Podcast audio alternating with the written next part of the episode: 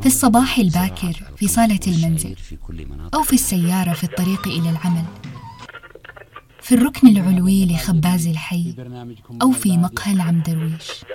في غرفتنا ليلا أو في مطبخ أمي عصرا. هناك صوت رافق ذاكرتنا أمدا طويلا وشكل طيفا لطيفا لا ينسى. من نشرة الأخبار إلى نشرة أحوال الطقس وبرامج المنوعات والمسلسلات الإذاعية. لكل مذيع ولكل برنامج طابعه الخاص. الأصوات الرخيمة الثقافة الواسعة والجودة العالية في الطرح.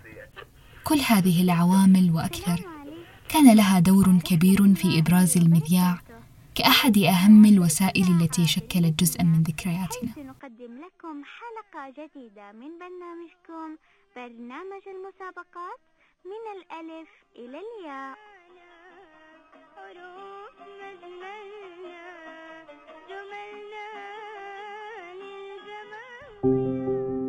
أهلا وسهلا.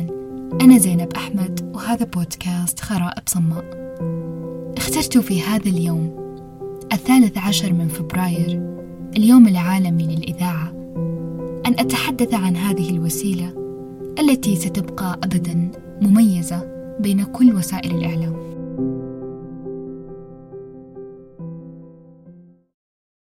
منذ أن ظهر المذياع أثبت نفسه كوسيلة مهمة من وسائل الإعلام التي لم يكن متوفر منها آنذاك إلا الصحيفة.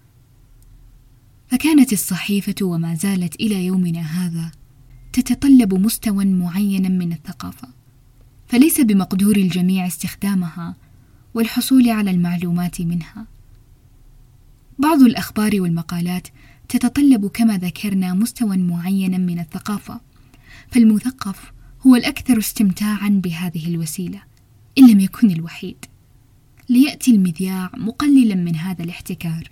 فبإمكان المثقف وغير المثقف الاستماع إليه الكبير والصغير المتعلم وحتى الجاهل.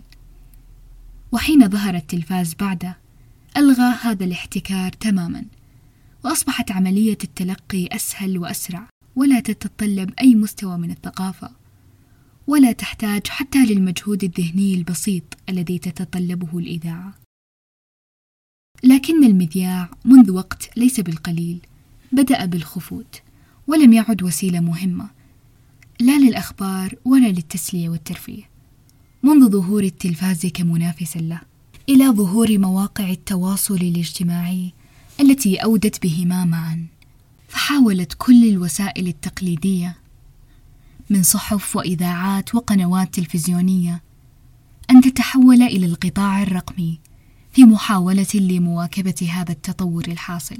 فقلة هم اليوم من يكترثون بما يذاع عبر الإذاعة. ربما فقط من فئة كبار السن الذين ألفوا الاستماع للإذاعات العريقة كإذاعة صوت العرب أو البي بي سي العربية التي ومع كامل الأسف تم إغلاقها قبل خمسة أشهر أي في سبتمبر من عام 2022 بعد أن استمرت ل 84 عام من البث الأمر الذي جعل فكرة موت الإذاعة وشيكا.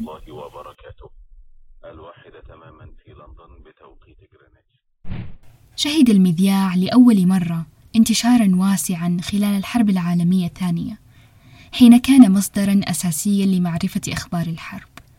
واستغلت ألمانيا تعلق وولع الناس بهذه الوسيلة واستخدمتها للترويج للنازية.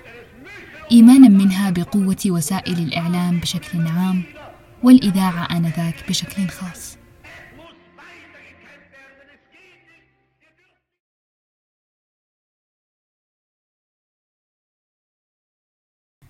تميز المذياع بشعبية عالية نتيجة لقدرته الكبيرة على الوصول إلى أماكن وبلدان بعيدة. كتلك التي ينتشر فيها الجهل والأمية بصورة كبيرة. إضافة لكونه لا يتطلب أي مجهود بدني كالصحيفة مثلا أو التلفاز. كل ما عليك فعله هو تشغيل الراديو والاستماع إما واقفا أو راكبا أو مستلقيا. إضافة لتكلفة الإنتاج الإذاعي التي تعتبر أسهل وأيسر مقارنة بالإنتاج التلفزيوني. هذا من ناحية المادة. أما من ناحية الصناعة نفسها فأعتقد أن مجهود الكاتب والمقدم الإذاعي يعتبر أصعب. لأنه يحمل على عاتقه مهمة إيصال الصورة بكافة تفاصيلها. فقط من خلال الصوت ما يجعلنا نتطرق للميزة الأبرز للإذاعة وهي إثراء مخيلة المستمع. فمستمع الإذاعة يحاول رسم مشاهد في خياله للكلام الذي يستمع إليه. بالتالي تتطور مهارته في التذكر والتحليل والربط والاستنباط.